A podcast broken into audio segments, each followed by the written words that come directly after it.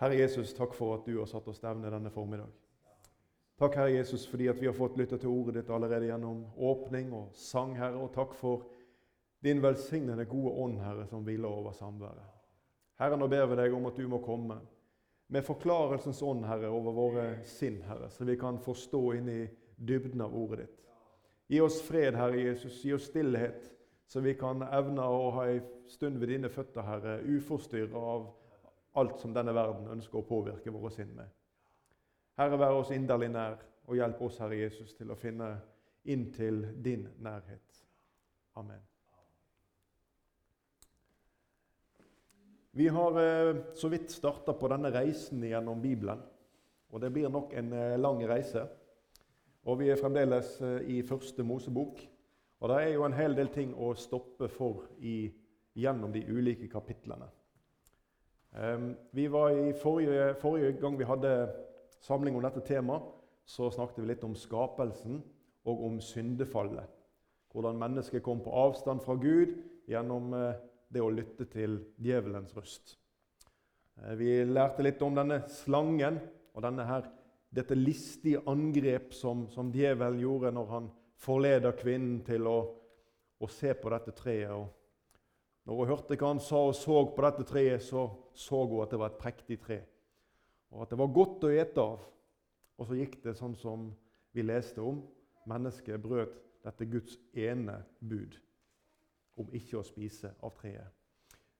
Så er det syndens konsekvens. Den var vi litt innom eh, forrige gang også. Og vi snakket litt om eh, dette at mennesket ble bortvist fra hagen. Bort fra Guds nærhet. Dette må være i Guds nærhet. Gud er en hellig Gud, og han tåler ikke synd. Ingen synd kan være i hans nærhet, og det er viktig å forstå dette begrepet. Så snakket vi litt om slektens gang, eh, om Adam og Eva og de barna som de fikk, og litt om hvordan synden eh, utfolder seg. Vi leste om historiens første drap, når Kain eh, tok livet av sin bror Abel. Så er vi kommet litt lenger frem, og Adam og Eva de får en ny sønn. En sønn som heter Sett. Um, og Ut ifra dette, så kan du, hvis du slår opp i Bibelen, så kan du på en måte lese at her starter på en måte stamfedrenes ettertavle. Og For dere som kjenner meg godt, dere vet at jeg liker å bore dypt inn i disse ettertavlene. Det er ofte litt sånn konsentrert bibelhistorie du finner der, når du først begynner å se på navn og historie og årstall og sammenheng. Vi skal ikke gå dypt i ettertavlen i dag, men jeg har lyst til å fortelle deg det er ti slektsledd fra Adam og til vi kommer frem til en mann som vi tror alle sammen har hørt om Noah. Så ti slektsledd, inkludert Adam, og frem til Noah. Dette kan du lese om i Første Mosebok, kapittel 5. Hvis du leser i Lukas kapittel 3, så kan du lese om hele Jesu ettertavle. Fra vers 23 og til 38 der står det hele Jesu ettertavle fra Adam og frem til Josef og Maria da, og Jesus. Og I vers 36 til 38 der i dette kapittelet her i Lukas 3, der står de ti første slektsleddene. Og Det er litt raskere å lese der enn å lese eh, om du leser i eh, første Mosebok 5. Men det er altså Adam, og så er det Sett, som fikk sønnen Enos, som fikk sønnen Kenan, så kommer Malalael, og så kommer Jared og Enok og Metusala. Og så kommer Lamek, som da altså er far til Noah. Og nå skulle jeg ønske meg at vi skulle ha bibeltime om bare navnene her, for her er mye å si om disse. Men hvis vi skal stoppe for alle disse detaljene, så blir denne allerede litt lange veien gjennom Bibelen den blir enda lenger. Så vi får stoppe for eh, noen hovedpunkter underveis. Men Noas dager de beskrives på denne måten. Og Det er ikke noe sånn lystig lesning. Første Mosebok 6 og kapittel, eh, unnskyld, Første Mosebok kapittel 6 og vers 5. Herren så at menneskenes ondskap var stor på jorden, og at alle tanker og hensikter i hjertene deres var onde hele dagen lang. Det var ikke mye godt å spore her, var det det? Syndens konsekvens, kjære deg, den er voldsom. Den er voldsom, og den menneskelige natur blir fullstendig gjennomsyra av konsekvensen av syndefallet. Menneskenes ondskap var stor på jorden. Alle tanker og hensikter i hjertene deres var onde hele dagen lang. Du setter på nyhetene klokka ni på kvelden, så ser du litt av dette. at Sånn er det fremdeles. Men Gud han så til dette. Han så på den skapelsen som han hadde gjort. Og vi leser om at når Gud var kommet til den 20. dagen i skapelsesberetningen, så så han at det var såre godt, det som han hadde skapt. Så kommer syndefallet. Og så leser vi det vi nå har delt i sammen, om hvordan Gud betrakter menneskene, og hvordan menneskene farer fram etter syndefallet. Og så angrer Gud. Og Vi skal lese 1. Mosebok kapittel 6, og vers 6-8. Da angret Herren at han hadde skapt mennesket på jorden, og han var full av sorg i sitt hjerte. Og Herren sa, 'Jeg vil utrydde fra jorden menneskene som jeg har skapt.' Både mennesker og fe og krypdyr og himmelens fugler, for jeg angrer at jeg har skapt dem. Men Noah fant nåde for Herrens øyne.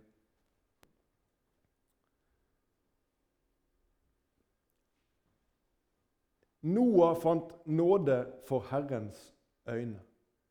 Gud angrer at han hadde skapt mennesket, leste vi på jorda. Og Gud hadde sett hvordan mennesket for frem, hvordan deres hensikter var onde, som det sto, hele dagen. Og så leste vi her at han angra, og at han var full av sorg i sitt hjerte. Denne skapningen som han hadde skapt i sitt bilde. Denne skapningen som var skapt for å ære skaperen, hadde fått et helt nytt fokus fra det øyeblikket at mennesket strakte ut sin hånd og spiste av frukten fra kunnskapens tre. Deretter så var fokuset blitt et annet. Deretter har det handla om meg og mitt, mine behov, min tid, min lyst, min vilje. Og så har det generert ufattelig med ondskap og nød i verden. Helt på tvers av det som var Guds hensikt.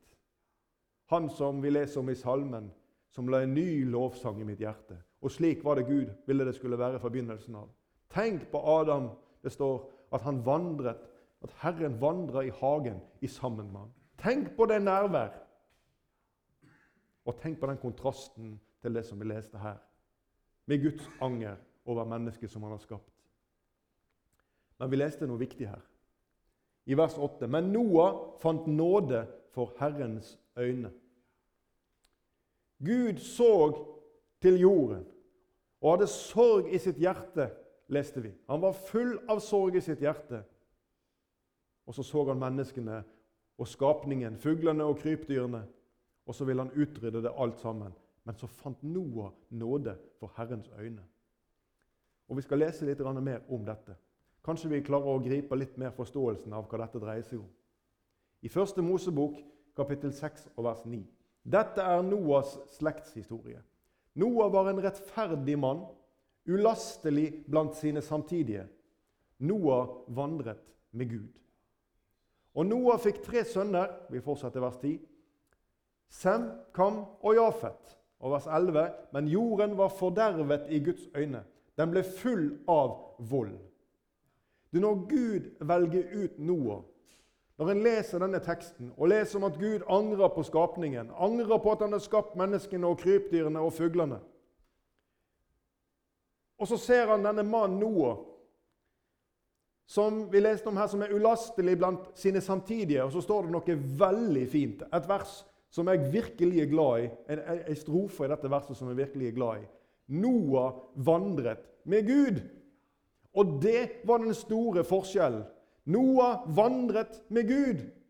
Så når Gud gjør en utvelgelse, Gud skal ha et redskap, en person som skal gjøre sin gjerning, hva er det Gud ser etter? Han ser etter et menneske som vandrer med Han. Han ser etter et hjerte som søker ikke sin vilje, men Guds vilje. Noah vandret med Gud. Noah han søkte samfunn med Herren. Noah var spørrende i sitt hjerte til hva som var Herrens vilje. Og Noah hadde lært at i Herrens samfunn der er det godt og trygt å være. Til tross for de kontrastene som fantes rundt Noah på hans tid. Vi leser i 2. Peters brev, kapittel 2, vers 5, om Noah. Det står vi leser Han sparte heller ikke den gamle verden, men bevarte rettferdighetens forkynner Noah. Det forteller litt om Noah, ikke bare hans personlige trosliv, men hvordan han hadde fokus på også å dele budskapet om denne Gud som han søkte samfunn med. Rettferdighetens forkynner, Noah, leste vi her. Du, Noah han var i opposisjon imot ondskap og imot gudløshet på den tid som han levde i. Noah han utgjorde en kontrast. Og Noahs dager de er billedlig for den tiden som blir når Jesus skal komme igjen til jorden. Og Det leser vi om i Lukas kapittel 17 og vers 26-27. Og slik som det var i Noas dager, slik skal det også være i menneskesønns dager. De åt og drakk, de tok til ekte og ble gitt til ekte. Like til den dagen da Noah gikk inn i arken, så kom vannflommen og ødela dem alle. Du, dette det er et veldig alvorlig budskap som vi skal dele her i formiddag. Det er et veldig alvorlig budskap. For det vi leste om her, det er at livet det gikk sin vante gang. Menneskene var opptatt av sitt eget ve og vel. Ondskapen var stor i verden. Menneskenes egoisme drev fram all slags mulige problemer og ondskap og krig og drap og vold. Og midt imellom alt dette så leser vi Noah ja, han vandrer med Gud. Det er ikke slik at det var Noah og hans menighet eller den store forsamlingen som Noah hørte til. Det var Noah, det var denne ene mannen som sto igjen. Det forteller noe om forholdet mellom menneskeligheten og det antallet som står på linje, som står i, i Guds nærvær. Dette er kjennetegnende for den tiden når Jesus skal komme igjen. For slik som det var i Noas dager, slik skal det også være i menneskesønnens dager. Du og jeg som har tatt imot Jesus, vi har arbeidstid nå. Og vi kan arbeide mens det ennå er dag og ennå er lyst. Men snart så kommer den dagen, som det står om i fortellingen om Noah, at Gud lukket døren.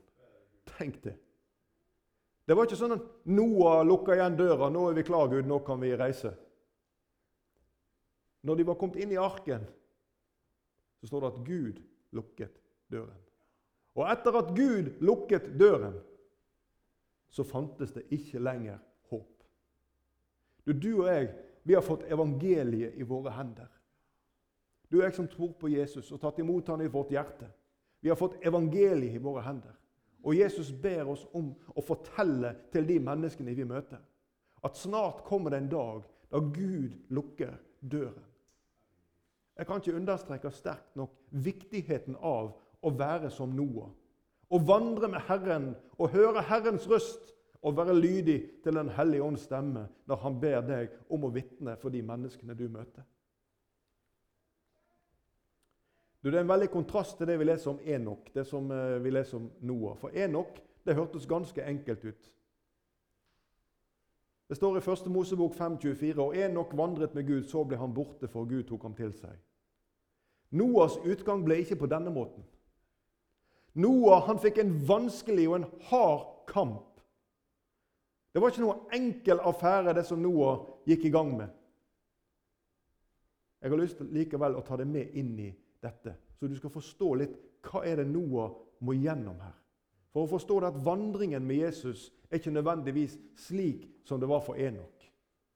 At Enok vandret med Gud, og Herren tok han til seg. Noah fant nåde for Herrens øyne, leste vi.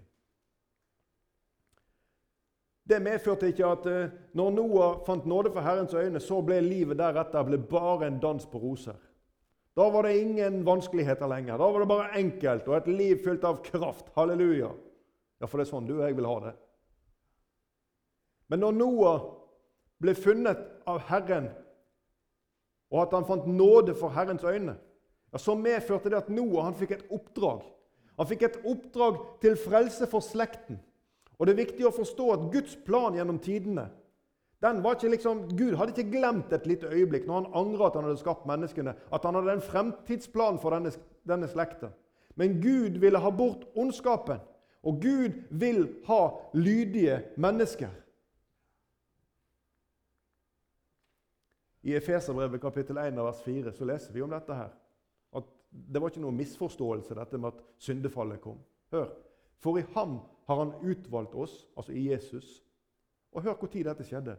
Før verdens grunnvoll ble lagt.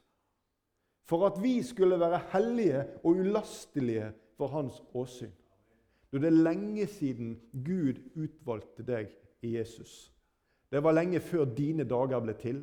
Ja, det var før verdens grunnvoll ble lagt. Så hadde Gud utsett en plass i sin himmel til deg. Og i dag så spør Herren mennesker vil du ha plassen din. Og et stort antall mennesker sier nei takk og er opptatt med andre ting.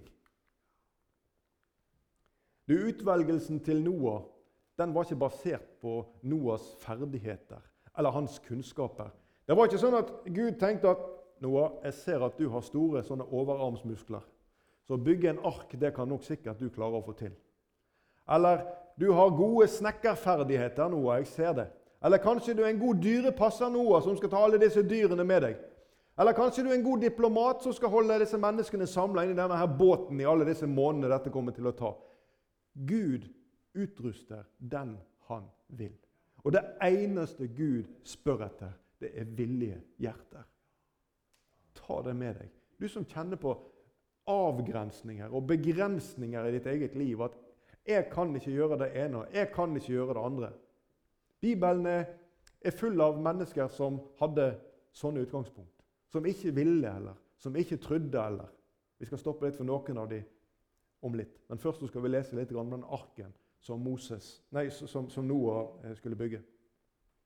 Første Mosebok eh, kapittel 6 og vers 14-16. Bygg deg en ark av godferdtre. Du skal innrede den med rom og stryke den innvendig og utvendig med bek. Slik skal du bygge den. Arken skal være 300 alen lang, 50 alen bred og 30 alen høy. Øverst på arken skal du gjøre en lysåpning, som når en når en alen ned på veggen. Sett døren til arken på den ene siden. Du skal bygge den med tre dekk, ett nederst, et annet og et tredje, innredet med rom i hver etasje.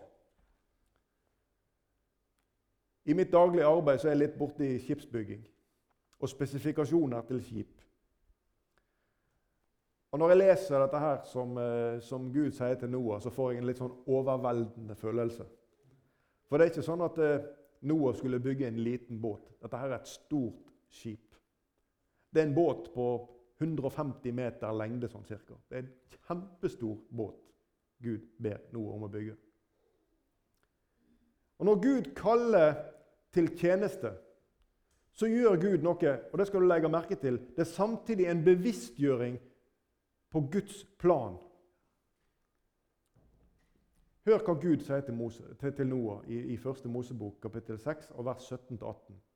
Og se, jeg lar en vannflom komme over jorden for å ødelegge alt kjøtt under himmelen, som det er livsånd i.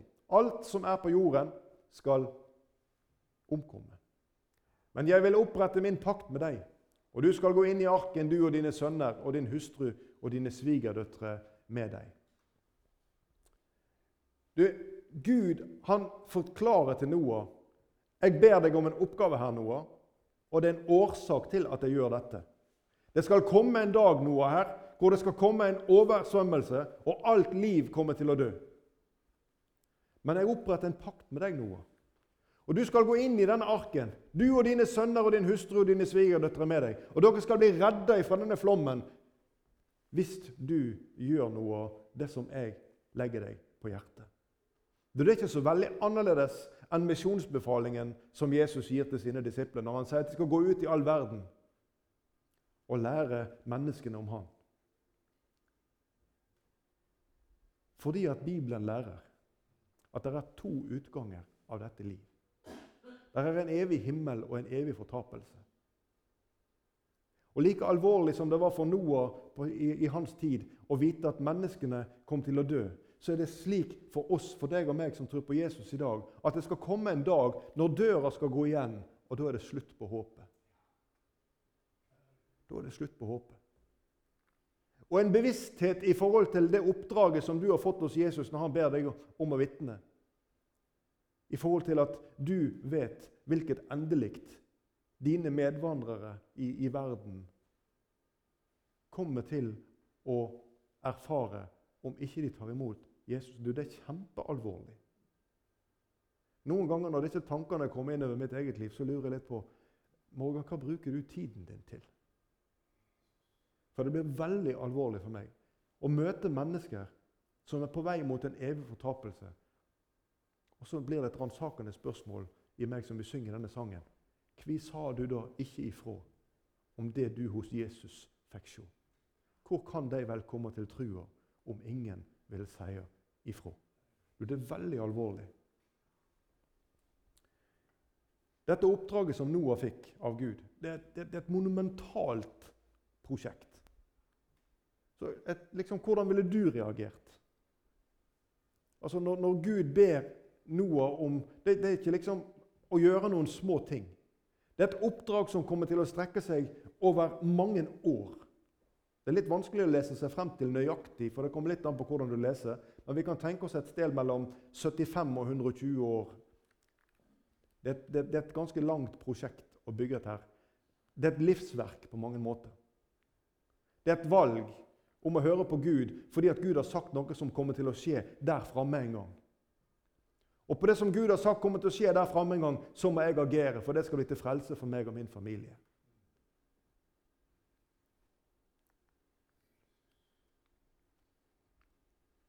Den ser det er menneskene sin egenrådighet. Den ser det at mennesker er egoistiske. At det er uvilje imot å vandre Herrens veier. At det finnes unnlatenhet i forhold til de oppgavene som Gud ville vi skulle gjøre.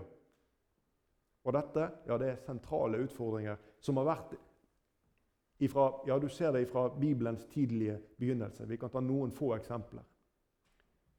Vi ser på Moses. Når Herren taler med Moses, så sier Moses at nei, dette er for vanskelig, Gud. Jeg, jeg har ikke den rette taleevnen til å, å gjøre dette her. Og så sier Gud at jeg skal sende han broren din, han Aron, han skal få være med deg, for han kan tale. Moses han svarer Gud, Å Herre, send hvem andre du vil. Eller Jonas, den store profeten, som tenkte at han istedenfor å gjøre Guds vilje, han, han dro ned til havna så tok han og gjemte seg om bord på en båt som skulle til Tarsis. Og så smiler vi litt av Jonas. Og så er vi egentlig litt sånn i våre egne liv.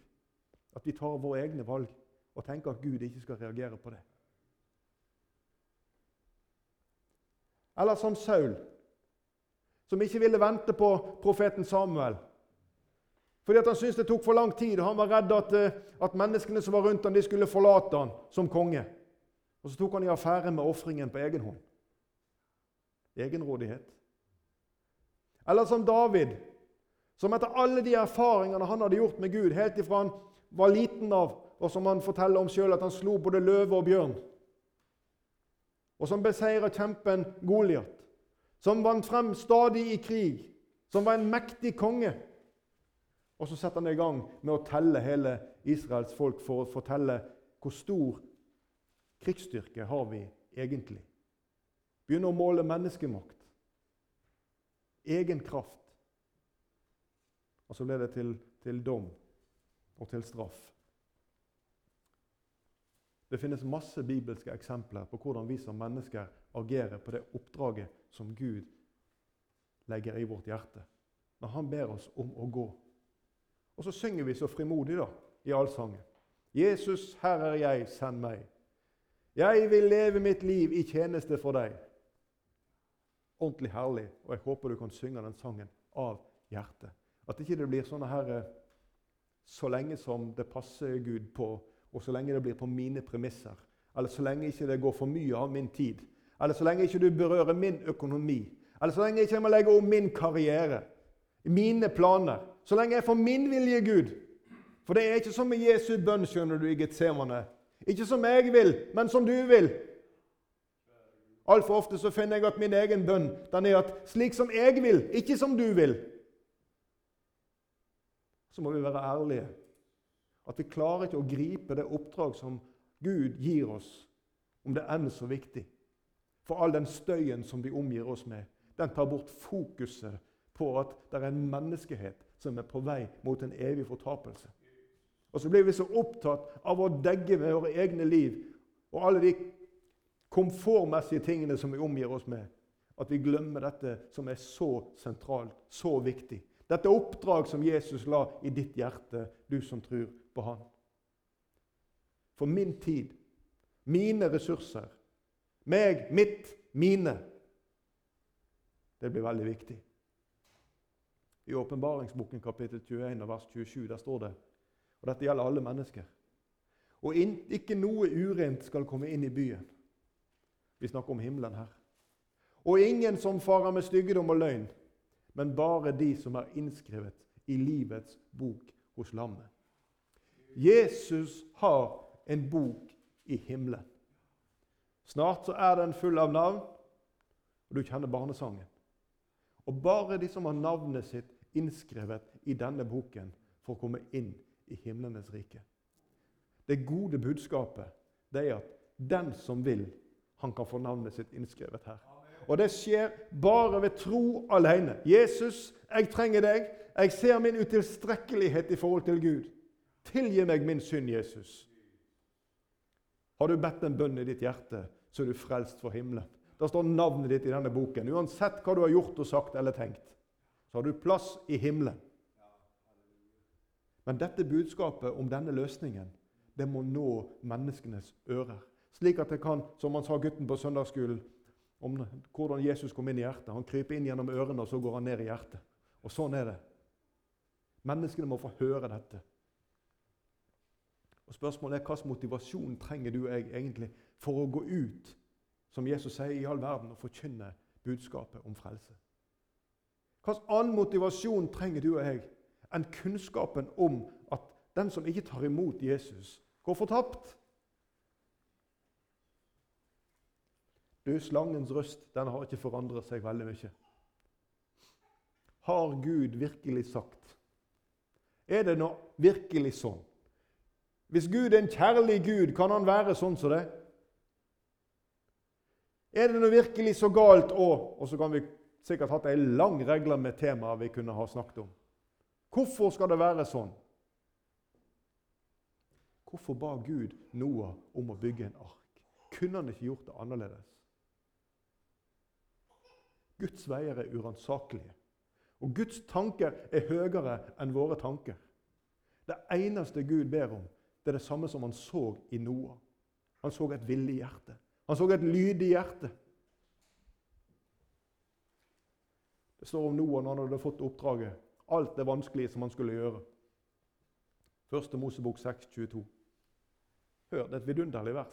Og Noah gjorde slik. Han gjorde i ett og alt som Gud hadde befalt ham. Jeg skulle ønske jeg kunne ha det vitnesbyrdet over mitt eget liv.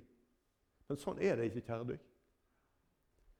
Og Jeg vet ikke hvordan du har det, men i, ærlig, i en ærlig tilnærming til dette så kan jeg ikke si at jeg gjør i ett og alt som Gud befaler meg. Men det er en bønn i mitt hjerte at Herre, må du hjelpe meg å prioritere. Må du hjelpe meg å se din vilje. Må du gi meg, Herre, kjærlighet til ditt ord på en sånn måte at det preger livet mitt, slik at jeg kan få gjort en tjeneste for deg slik som du hadde tenkt det. Slik at mennesker som er rundt meg, kan bli vunnet for himlenes rike. Det var ikke slik at når Noah hadde fått alt inn i arken og Gud lukte døra igjen, da var det herlighet og glede. Nei, da begynte det en lang ferd for Noah. Vi kan lese her, Første Mosebok eh, kapittel 7 og vers 11-13. I det året av Noahs liv, da han var 600 år gammel, i den andre måneden, på den 17. dagen i måneden, den dagen brast alle kilder i det store dyp, og himmelens sluser ble åpnet. Regnet strømmet nedover jorden i 40 dager og 40 netter. Denne samme dagen gikk Noah Sem Kam og Jafet, Noahs sønner, og Noahs kone og hans tre svigerdøtre med dem inn i arken. Vi leser videre i kapittel 8 vers 4. I den 20. måneden på den 17. dagen i måneden ble arken stående på Ararat-fjellene. Og vi leser det femte verset. Og vannet fortsatte å synke inn til den tiende måneden. I den tiende måneden på den første dagen i måneden kom fjelltoppene til syne. Og vers 14-16. I den andre måneden på den 27. dagen i måneden var jorden helt tørr. Da talte Gud til Noah og sa.: Gå ut av arken, du og din hustru og dine sønner og dine svigerdøtre med deg. Du, hør, i Noas 600 år, i den andre måneden på den 17. dagen, da går de inn i arken. Og i de 601. år, den 27. dagen i den andre måneden, da går de ut igjen av arken. Og For deg som er god i hoderegning, så er det sånn ett år og ti dager. Det var ikke en kort ferd der inne i arken. Jeg har ikke lest noe sted om at Noah hadde sånn strømgenerator og lys og varme. og at de hadde Ja, du forstår. Alle de komfortelementene som vi tenker at vi har bruk for. Ingenting av dette. De var innestengt i denne arken, alene levende på jorden. Seilende rundt, og ikke på en stille sjø, for det skal vi lese litt om. Det var ingen solskinnsferd for noe av dette. Etter de første 150 dagene så leser vi og Gud lot en vind blåse over jorden, og vannet sank. Det var ikke noe lystkrus. Det var en vind over jorden, det var bølger og sjø. Det var masse arbeid som skulle gjøres på denne lange ferden. Det var mennesker som skulle fungere sammen. Det var mat som skulle fordeles. Her var mange ting. Her var dyr som ble født underveis. Ja, Det leser vi fordi at når Noah er ferdig med ferden sin, så skulle han ofre. Og Gud kunne jo liksom ikke la det da bli ofret når det var én han og én ho av hver skapning. Så her skjedde mye under denne ferden som Noah hadde.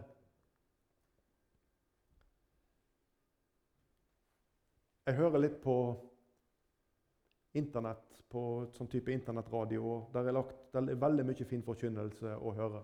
Og der er òg noe forkynnelse som er direkte skadelig å låne sitt øre til. Og Det finnes mange røster i dag når det gjelder siste kategorien, som forteller om at du som tror på Jesus, ja, du skal ha framgang og lykke. Du skal ha en strålende karriere, og du skal, ja, du skal ha, bli rik og du skal ikke være syk. Og, skal, ja, og vi kunne ha nevnt i massevis. Bare et par eksempler fra noen nye, nyere bøker. En bok har en tittel, og, og, igjen, jeg understreker at dette her er, er bøker i sånn åndelig og livsstilskarakter. Finn din indre kraft. Lær å aktivere viljens kraft til å bygge indre styrke. Og kvitte deg med den frykten og manifestere dine drømmer. Ja, besnærende. Eller 'Kampen om ditt sinn' heter en annen bok. Og Her lærer forfatteren deg hvordan du kan ta et oppgjør med å håndtere tusenvis av tanker. Og forfatteren lærer deg til og med til å fokusere ditt sinn, til å tenke på den måten som Gud tenker.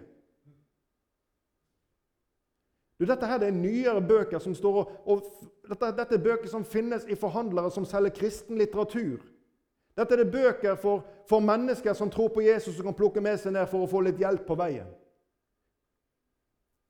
Jeg leste her bare for noen dager siden og sendte ut en e-post til noen mennesker som jeg kjenner.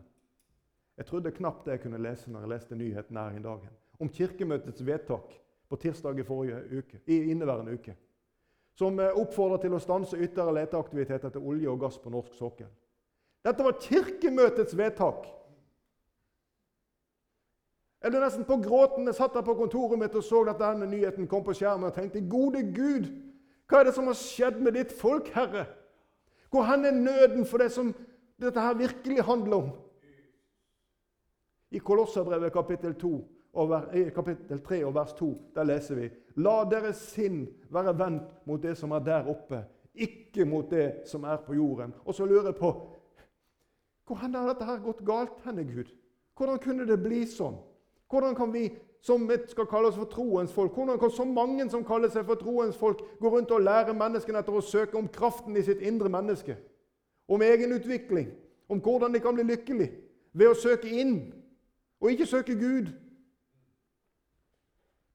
Du, Dette er ikke en avskrivning av det forvaltningsansvaret som Gud ga menneskene ved skapelsen. Det er ikke slik at vi som er troens barn vi kan bare gi blaffen i alt som heter miljø. Gud la et forvaltningsansvar for skapningen over oss. Det er ikke det jeg prøver å si. Men kjære deg, budskapet om Jesus, verdens frelser, det drukner i menigheter og også i kirkemøter i budskaper som handler om denne verdens fremtid. Denne verdens fremtid den leser vi om i kapittel 24 og vers 35 i Matteus. Der står det sånn Himmel og jord skal forgå, men mine ord skal slett ikke forgå. Denne verden har ingen fremtid. Det betyr ikke at ikke du og jeg skal ta vare på den som Gud har gitt oss. Men denne verden skal forgå. Men mine ord, sier Jesus, de skal slett ikke forgå. I begynnelsen var Ordet, skrev Johannes. Og Ordet var hos Gud. Og Ordet var Gud. Vi lærer om Jesus, som aldri skal forgå, som aldri skal gå bort. Og Hans ord til deg er levende, er livgivende, for at du kan få plass i Hans himmel. Det står om menneskene å lese i Romerbrevet kapittel 1 vers 22. Mens de ga seg ut for å være viser, ble de dårer. Det har skjedd noe med fokus. Når du leser om kunnskapen, om visdommen Du kan lese i Salamos årspråk om dette. Så handler det om kunnskapen om Gud. Og det er kunnskapens begynnelse. Ja, det er frykt for Herren. Alt annet er, er uviktig i et sånt perspektiv i Romerbrevet kapittel 1 vers 25.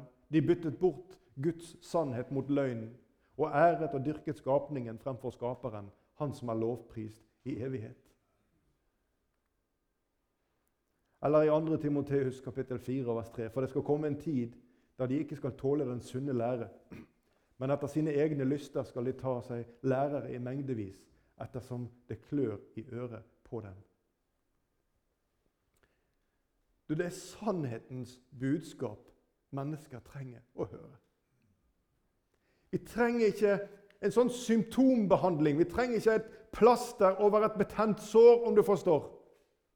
Vi trenger å komme til bunns, til rotårsaken til problemet. I mitt eget fag, der som jeg arbeider daglig, der er dette, ofte et, dette er et uttrykk som ofte er brukt. Rotårsak. Hva er det som gjør at det går galt? Hva er det som gjør at det blir sånn og sånn? Og Når vi skal få reparert noe som har gått galt, så er det viktig at vi finner rotårsaken for at det ikke skal gå galt en gang til. Det hjelper ikke å bare reparere det som ligger på toppen. En må på en måte komme til bunns, slik at dette ikke blir ødelagt igjen. Og Rotårsaken i denne sammenhengen her, det er at mennesket forlater Guds vei. Det er at mennesket ikke hører Guds stemme. At mennesket utestenger det som er Guds vilje, for det passer ikke med vår egen vilje. Mennesker trenger å høre Guds bud og Guds vilje og ble konfrontert i sitt hjerte, slik at de kommer til sannhetserkjennelse. Og det trenger menneskene rundt oss og det trenger sannelig du og jeg òg i forhold til det oppdraget som Jesus har lagt i våre hender. Vi skal gå mot avslutning, men jeg har lyst igjen å understreke at Noah vandret med Gud. Og gjennom at Noah vandret med Gud, så nådde Guds stemme Noahs øre. Og Noah fikk utført oppdraget som ble til, ja, til meg og deg sin, sin tid og framtid. Du, Vårt oppdrag og vårt fokus, det må være her. Verden trenger Jesus. Husk på det vi leste om at når Jesus kommer igjen, så skal det være som på Noas dager. Livet går sin vante gang. Plutselig kom dagen, og flommen kom over de alle. Sånn er evangeliets budskap. Det skal komme en dag det skal komme en dag da Jesus kommer igjen. Og bruden blir rykka bort. Det skal komme en dag når himmelens port ikke lenger står åpen, og det er for seint. Og det står mennesker på utsida og banker og vil inn, men tiden er ute. Nådens dag er slutt. Hvor viktig er det ikke da at du og jeg blir å arbeide i Herrens vingård, slik som Han utruster oss til å gjøre? At vi er villige, at vi er lydige. Som, Moses, nei, som Noah. Og Vi leser her i første Mosebok, kapittel 6 og vers 22. Og Noah gjorde slik. Han gjorde i ett og alt som Gud hadde befalt ham. Herre Jesus, må du legge en lydighetens ånd i våre hjerter, Herre. Herre, må du hjelpe oss å være lydhøre når Den hellige ånd taler med oss, og minne oss om tjeneste. Og minne oss om det vi skulle ha sagt og gjort, Herre.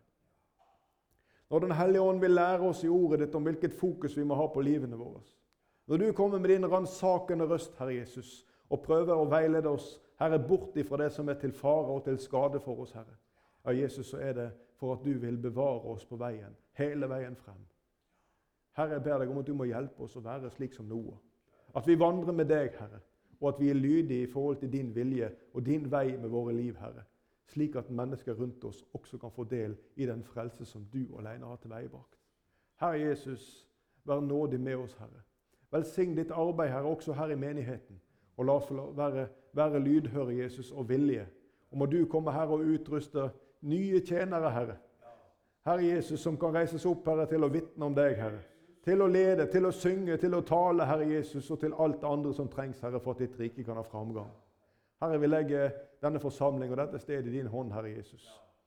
Og vi ber, Herre Jesus, virk du på våre hjerter ved din ånd. Amen.